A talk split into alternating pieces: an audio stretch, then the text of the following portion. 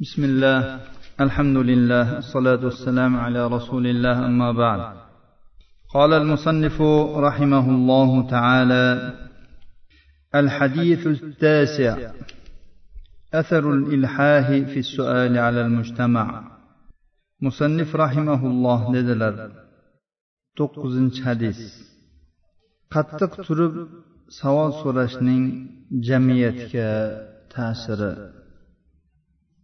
bu iymon haqiqati kitobidagi oxirgi hadisimiz عن ابي هريره عن النبي صلى الله عليه وسلم قال دعوني ما تركتكم انما هلك من كان قبلكم بسؤالهم واختلافهم على انبيائهم فاذا نهيتكم عن شيء فاجتنبوه واذا امرتكم بامر فاتوا منه ما استطعتم متفق عليه abu hurayra roziyallohu anhudan rivoyat qilinadi nabiy sollallohu alayhi vasallam dedilar modomiki men sizlarni tek tashlab qo'ygan ekanman bir narsaga buyurmayotgan ekanman sizlar ham meni tek qo'yinglar sizlardan oldingilarni halok qilgan narsa payg'ambarlardan savol so'rashlari va payg'ambarlariga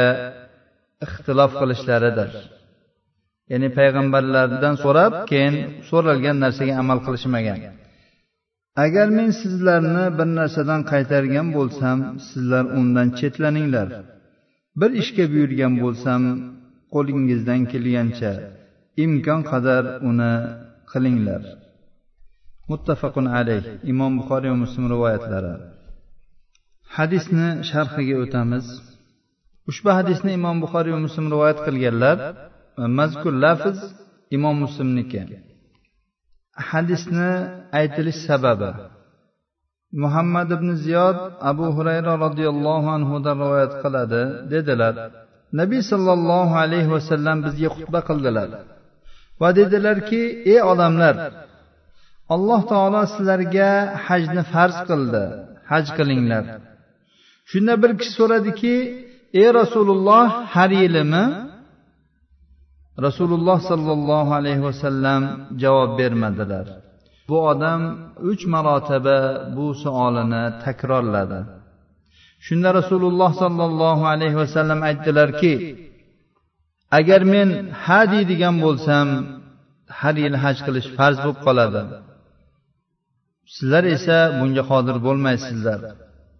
So'ngra aytdilarki modomiki men sizlarni tek tashlab qo'ygan ekanman bir narsaga buyurmayotgan ekanman sizlar ham meni tek qo'yinglar. Sizlardan oldingilarni halok qilgan narsa payg'ambarlardan savol so'rashlari va payg'ambarlariga ixtilof qilishlaridir. Ya'ni payg'ambarlardan so'rab keyin so'ralgan narsaga amal qilishmagan. Agar men sizlarni bir narsadan qaytargan bo'lsam sizlar undan chetlaninglar.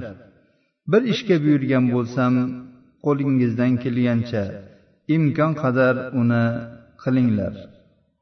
Nabiy sollallohu alayhi vasallam ummatlarini haj farizasini ado qilishga targ'ib qilib va ular oldida tavba va alloh taologa qaytish eshiklarini ochib hamda taqvo zodi rohilasini olishlari uchun nasihatgo'y bo'lib turdilar.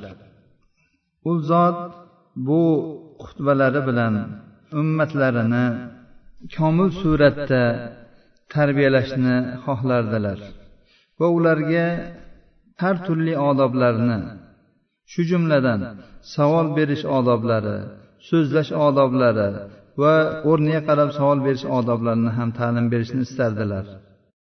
Toki bu ummat o'z aqidasi bilan va tasavvurlari bilan his tuyg'ulari bilan va alloh va rasulining da'vatlariga istijobat qilish bilan odob axloqlari bilan o'zining zimmasiga yuklatilgan xalifalik va omonat yuklarini ko'tarishga loyiq bo'lsin.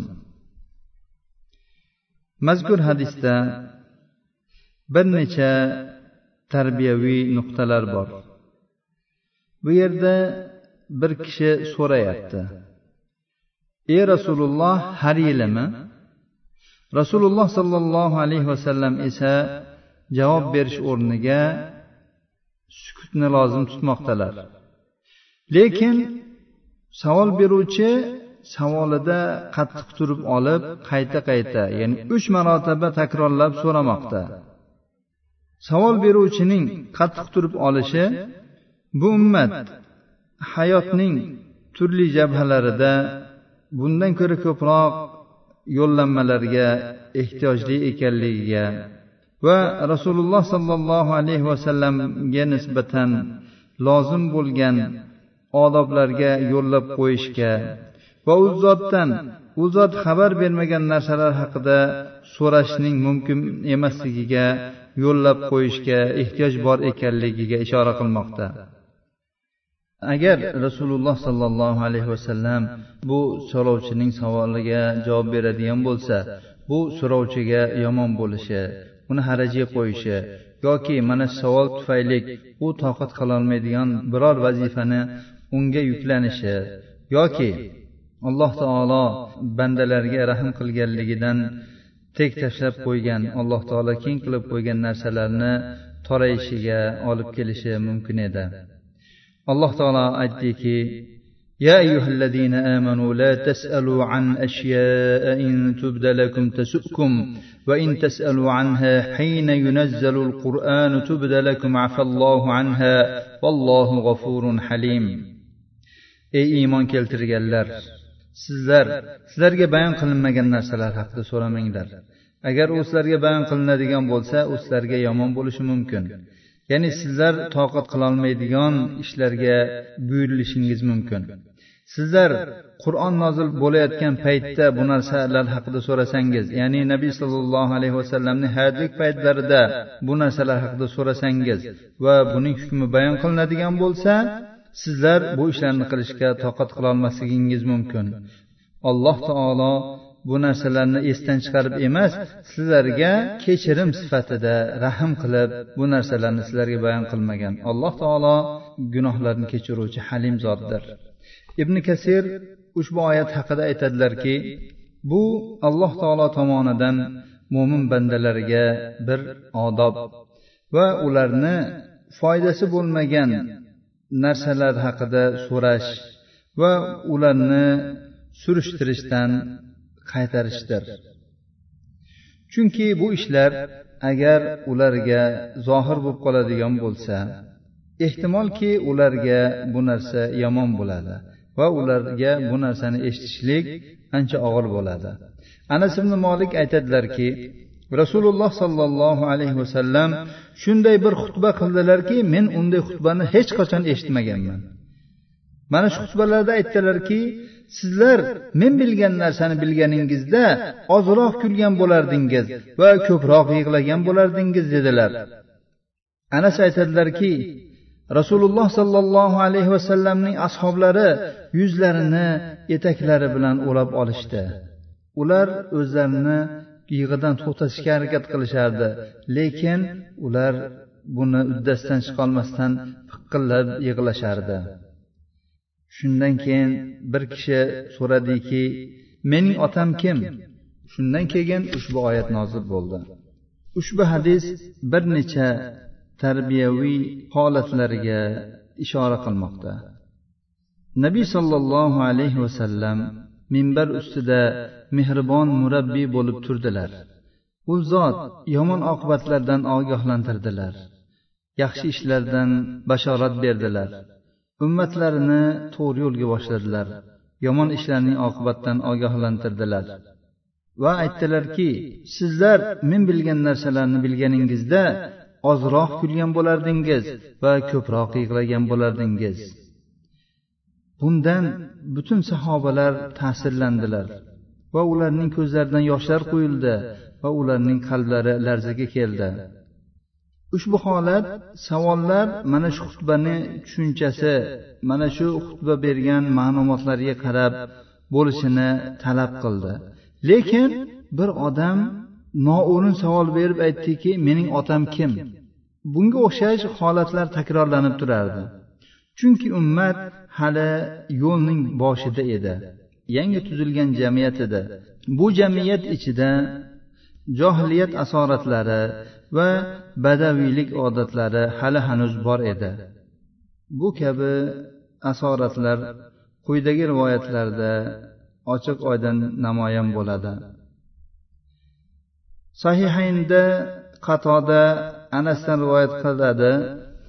Dedilarki rasululloh sollallohu alayhi vasallamdan savol so'rashdi.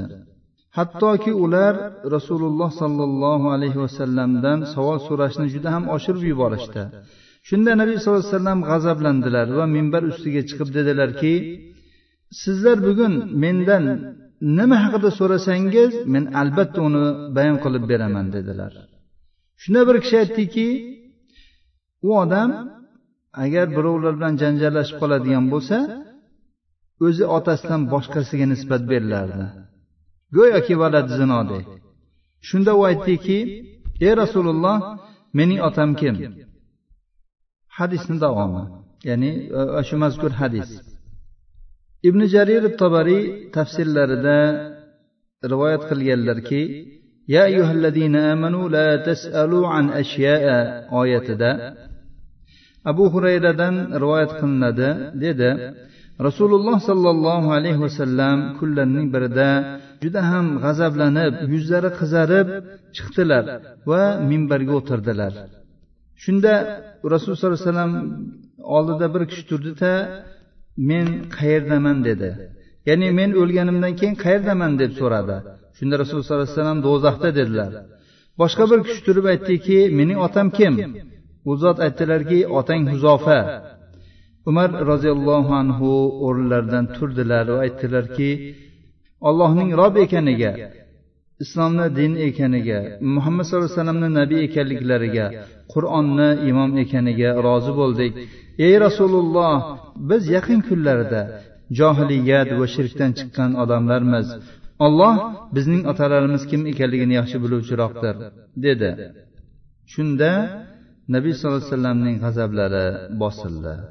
va ushbu oyat nozil bo'ldi يا أيها الذين آمنوا لا تسألوا عن أشياء إن تبد لكم تسؤكم bu kabi holatlar tez tez takrorlanib turardi bu kabi mashhadlarni holatlarni tasvirlaydigan bir necha rivoyatlar bor abul yamon rivoyat qiladi aytadiki shuayb zuhriydan rivoyat qilgan aytganlarki anas ibn molik roziyallohu anhu aytgan ekanlar nabiy sollallohu alayhi vasallam quyosh og'gandan keyin chiqdilar va peshin namozni o'qidilar. Namozdan salom bergach minbar ustida turdilar. Qiyomatni esladilar va qiyomatdan oldin bo'ladigan juda ham bir ulkan ishlarni ham aytib o'tdilar. So'ngra aytdilarki kim nima haqda so'ramoqchi bo'lsa so'rasin. Allohga qasamki sizlar mendan biror narsani so'raydigan bo'lsanglar modomiki shu o'rnimda ekanman albatta uning javobini beraman dedilar.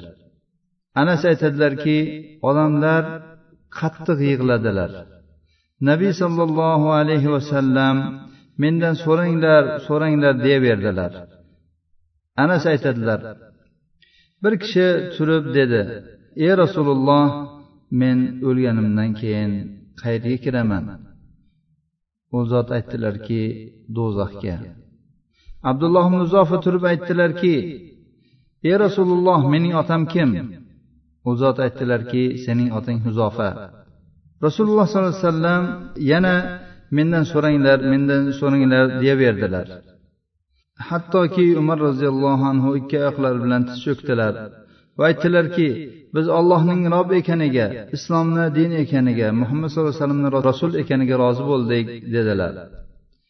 Anas aytadilar ana shundan keyin rasululloh sollallohu alayhi vasallam sukut qildilar. So'ngra rasululloh sollallohu alayhi vasallam aytdilarki jonim qo'lida bo'lgan zotga qasamki namoz o'qib turgan paytimda mana shu oldimdagi devorda menga jannat va do'zax ko'rsatildi. Men bugungi kundagidek yaxshilikni ham yomonlikni ham ko'rmaganman. Ushbu hadis bizlarni tarbiyaviy darslarni olishga undamoqda. Ushbu hadis nabiy sollallohu alayhi vasallam masjidlarining devorlarini tasvirlab bermoqda. Va rasululloh sollallohu alayhi vasallamdek boshliqning vazifalarini tasvirlab bermoqda. U zot minbarda o'ziga xos bir suratda turdilar. Ummatni to'g'ri yo'lga yo'lladilar va qing'irliklardan ogohlantirdilar. U zotning ushbu bayonni qilgan paytlaridagi holat juda ham vahimalik edi. U zot qiyomatni eslatdilar va qiyomatdan oldin bo'ladigan juda ham ulkan ishlarni ham bayon qildilar. So'ngra so'zlarining nihoyasida qasam ichib aytdilarki menga hozirgina do'zax va jannat ko'rsatildi.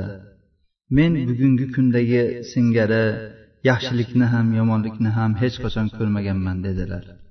Bu holatlarning hammasi aqllarni hayratga soladigan va qalblarni titratadigan holatlar edi mana shuning uchun ham odamlar juda ham qattiq ta'sirlanishdi va qalblari larzaga keldi.